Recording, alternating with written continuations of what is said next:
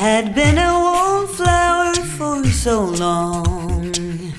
We're hiding, making you move. It sure looks good. I'll show you mine. Don't wanna wake up without you, baby, without. Welkom bij de podcast Be Your Own Voice, waar ik op zoek ga naar de mens achter de stem. Mijn naam is Muriel van Dinteren en ik ben begonnen als operazangeres. Maar voordat ik operazangeres werd, heb ik een hele lange reis afgelegd op zoek naar mijn eigen stem, naar mijn eigen talent, naar mijn eigen repertoire. En dat begon eigenlijk al als klein meisje in het circus. Want ik ben namelijk geboren in Circus Knie. En daarna ging ik met mijn ouders naar Nederland. Daar ging ik natuurlijk naar de lagere school en naar de middelbare school. Maar ik merkte al heel snel dat ik anders was. Ik was anders dan al die andere mensen daar op school. Ik snapte er helemaal niks van. Ik kon eigenlijk niet bij de groep zijn. Ik snapte niet hoe een groep werkte. Maar ik snapte wel hoe het was om met de paarden te zijn, of met de tijgers, of met het nijlpaard in het grote bad. Daar zat ik natuurlijk niet zelf in, maar ik keek wel elke keer naar dat nijlpaard. En ik oefende ook op het koord. En ik heb één keer aan mijn nek gehangen in de trapeze. Wauw. Dus met andere woorden, in die wereld, in het circus, daar voelde ik me thuis. En op een gegeven moment was ik twaalf jaar. En toen vroeg Walter Galetti, een hele beroemde clown in die tijd, of ik samen met hem verder wilde in zijn nummer. En oh, wat was ik vereerd. Dus ja, ik ging ook zoeken naar, maar is dat wel voor mij? Wil ik niet mijn school afmaken?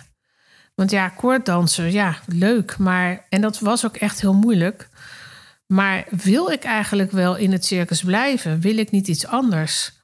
En ik weet niet wat er gebeurde, maar op 12-jarige leeftijd dacht ik toch: nee, ik wil echt naar school.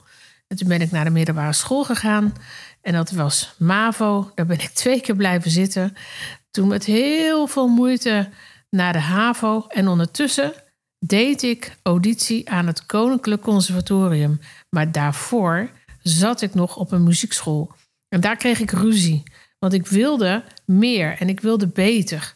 Want ik dacht de hele tijd, maar dit klopt niet, het kan niet. Dit, ik, het, het kan niet zo zijn dat je op deze manier les krijgt. En het kan niet zo zijn dat ik zo moet zingen. En op een gegeven moment, toen dacht ik, ik ga toch auditie doen bij het conservatorium. En toen werd ik daar aangenomen als 17-jarig meisje. En toen kwam ik in de vooropleiding. Maar toen moest ik nog wel mijn HAVO halen.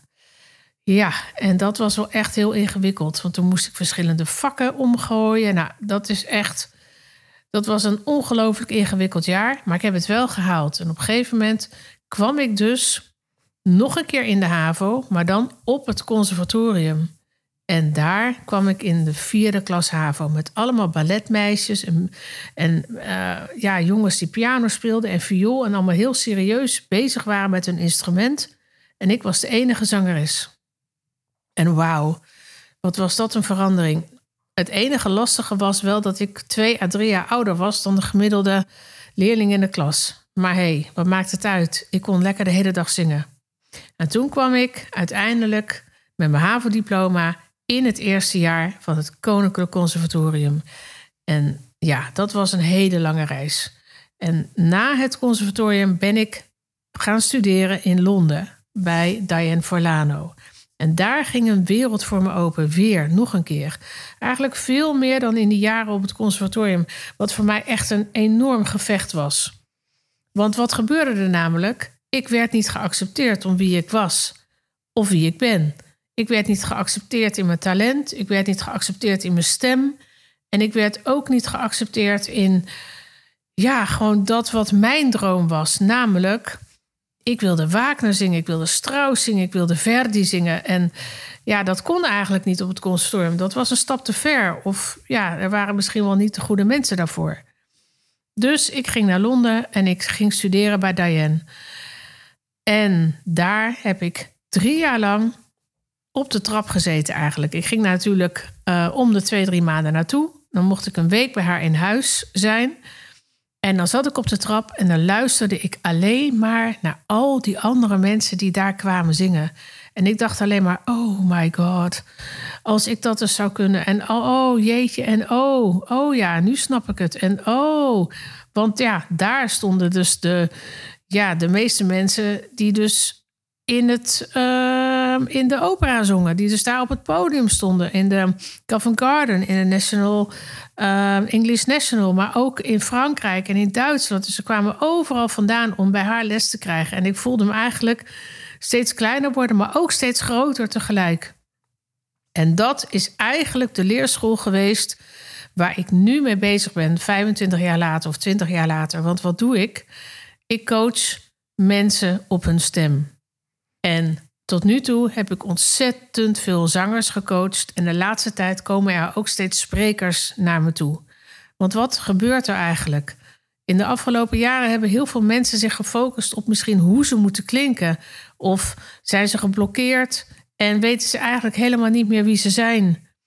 En in al die jaren ben ik natuurlijk ook ontzettend veel mensen tegengekomen. En juist daarom ben ik deze podcast gestart. Be your own voice. Want al die mensen die met hun stem werken, hebben ook een hele zoektocht gehad. Of zitten misschien nog midden in de zoektocht. En soms coach ik ook mensen die daar ook nog middenin zitten. En dan voel ik me ontzettend vereerd dat ik die mensen een duwtje mag geven. Dat ik ze even mag. Ja, uh, dat ik ze mag. Hoe zou ik dat nou zeggen? Dat ze even in een moment komen in hun leven. Wat voor mij ook zo belangrijk was. Namelijk het vinden van je eigen geluid. Ik wens je heel erg veel plezier met deze podcastserie. En ook voor jou geld. be your own voice.